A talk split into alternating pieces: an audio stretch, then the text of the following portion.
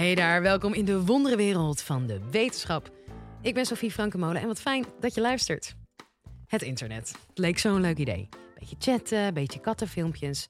Maar daarnaast is het internet ook een plek geworden van datadiefstal en polariserende algoritmen.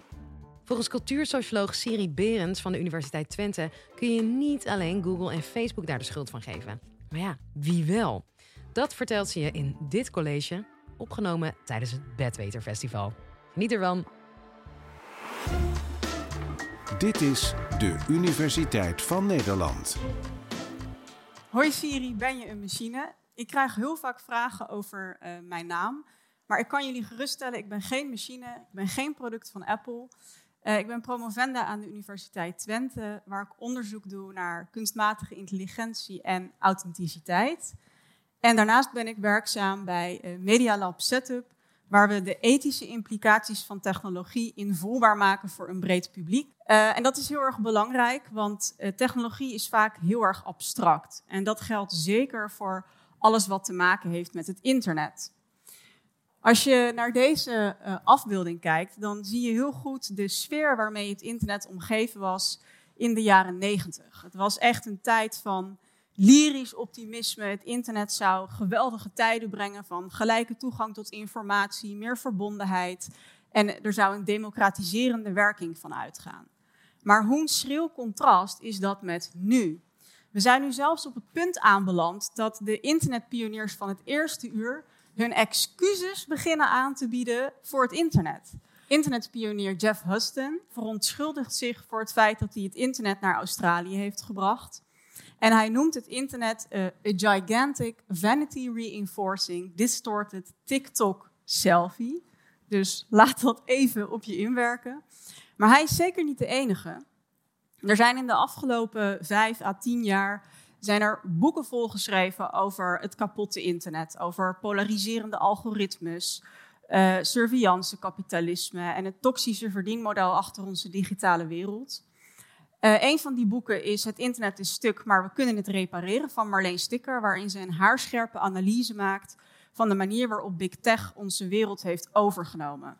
We worden gevolgd, gestuurd, geleefd en dat hebben we zelf laten gebeuren.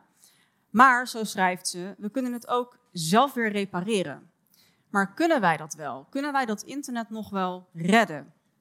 Als we kijken naar dit probleem en als je de vraag stelt, dan doen we dat heel vaak vanuit een dader-slachtoffer frame. En nou, wat is dat dan? Dat is heel simpel. Big Tech is de dader en de slachtoffers, dat zijn wij, de internetgebruikers. En wij proberen met man en macht en met juridische maatregelen die uh, techgiganten een beetje in bedwang te houden. Samen met setup en theatermakers zijn we het afgelopen jaar wat dieper in dat dader-slachtoffer frame gedoken. En wij hebben daar een theatervoorstelling over gemaakt, genaamd The Silicon Passion. De Silicon Passion is een uh, alternatieve hedendaagse bewerking van de Matthäus Passion. En wat we daarin doen is we stellen de vraag, Big Tech aan het kruisnagelen, heeft dat eigenlijk wel zin? Wat we met de Silicon Passion willen doen is uh, de vraag stellen, wat als de problemen achter het toxische internet groter zijn dan de bedrijven die we er verantwoordelijk voor houden? Is Big Tech misschien niet ook een beetje een manifestatie van wie wij zelf zijn? Want wij maken natuurlijk zelf ook deel uit van dat toxische netwerk. Je weet dat Facebook slecht is, maar niemand wil als eerste van boord springen. Zelfs na het Cambridge Analytica-schandaal rondom de Amerikaanse verkiezingen blijft Facebook groeien. Wat is je motivatie om nog steeds het platform te gebruiken? Likes en likes en likes. Ik denk dat ik elke dag al even scroll en kijk, oké, okay, wat is er nu? Ook al is het niet eens belangrijk. En voor even loeren en diepteonderzoek doen naar de potentiële catch van je beste vriendin. En dat heeft niks meer te maken met gezellig de wereld connecten. Dat is gewoon zieke spionage. Ja, zieke spionage. Niet alleen de techbedrijven die ons bespioneren, maar ook wij die elkaar natuurlijk heel de tijd bespioneren. Dus wat als niet het internet stuk is, maar wat als de mens stuk is? Want zolang wij stuk zijn, zullen onze technologische verlengstukken dat ook zijn. We vinden het bijvoorbeeld heerlijk om onze zelftwijfel weg te poetsen met een berg likes, of anderen aan de digitale schandpaal te nagelen. Of denk bijvoorbeeld aan gemakzucht. Um, als we iets vergeten zijn in de supermarkt, dat we via een app even snel een bezorger kunnen laten komen binnen 10 minuten, die dan het product bij ons voor een heel laag tarief komt brengen. Dus wat ik daarmee wil zeggen, is misschien moeten we ook kijken naar de verlangens van waaruit wij deze technologieën allemaal vormgeven. Um, maar dat is best wel moeilijk, want we kijken natuurlijk liever vanuit dat dader-slachtoffer-frame. Een voorbeeld is um, The Social Dilemma. Ik ben wel benieuwd, handen omhoog. Heeft iemand deze documentaire gezien? Ah, kijk, oké. nou ja, goed. Wat, in The Social Dilemma zie je heel erg uh, de, de ontwerpers achter Silicon Valley... die uitleggen van, nou, wij hebben de producten verslavend gemaakt... Uh, we hebben het, het, is allemaal by design. En, en sorry daarvoor trouwens, zeggen ze ook nog even. Um, en dat is natuurlijk helemaal waar, hè? Dat, dat de industrie daar een heel groot aandeel in heeft. Maar het is niet het hele verhaal. Um, in het boek Nihilism and Technology uh, beschrijft techniekfilosoof Nolan Gertz hoe wij de moeilijke kanten van het mens zijn uitproberen te besteden aan technologie. Dus we proberen uh, keuzes en de morele verantwoordelijkheid voor onze keuzes af te schrijven op algoritmes.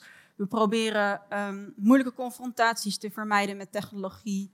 En hij zegt eigenlijk dat zolang we dat blijven doen, zolang we de moeilijke kanten van het mens zijn blijven uh, vermijden met technologie, zal er altijd weer een nieuwe Facebook of Google opstaan, ook als we die opknippen of weg zouden halen.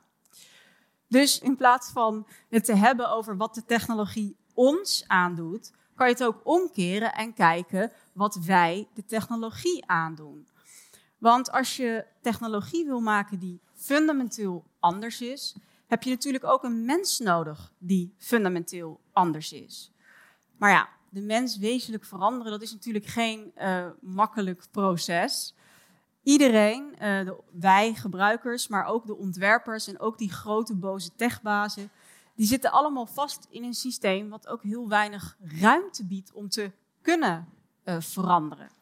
En dat, zie, dat verhaal zie je heel mooi terug in de serie Black Mirror, in de aflevering Smithereens. Daarin zien we uh, Billy Bauer. En hij is eigenlijk hij is de CEO van een Uber-achtig techbedrijf.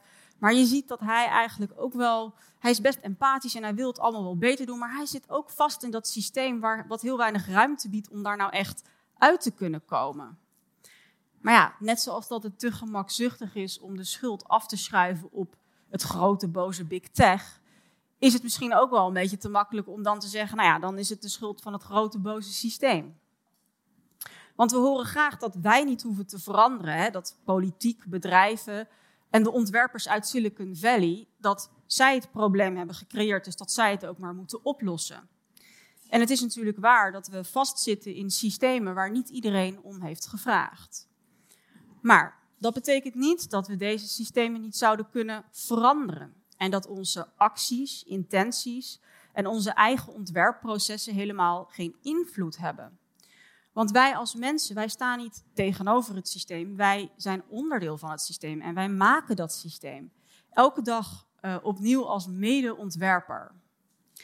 Dus ja, de mens mag dan misschien wel stuk zijn, maar we kunnen haar repareren niet met meer data en dus niet door het mens zijn uit te besteden aan technologie, maar door collectief bij te dragen aan systemische verandering en, heel belangrijk, uh, met creativiteit en ons vermogen om alternatieve toekomsten met technologie te verbeelden en daarnaar uh, te handelen. En daarom wou ik graag afsluiten met deze uh, scherpe quote van socioloog Theo Ploeg.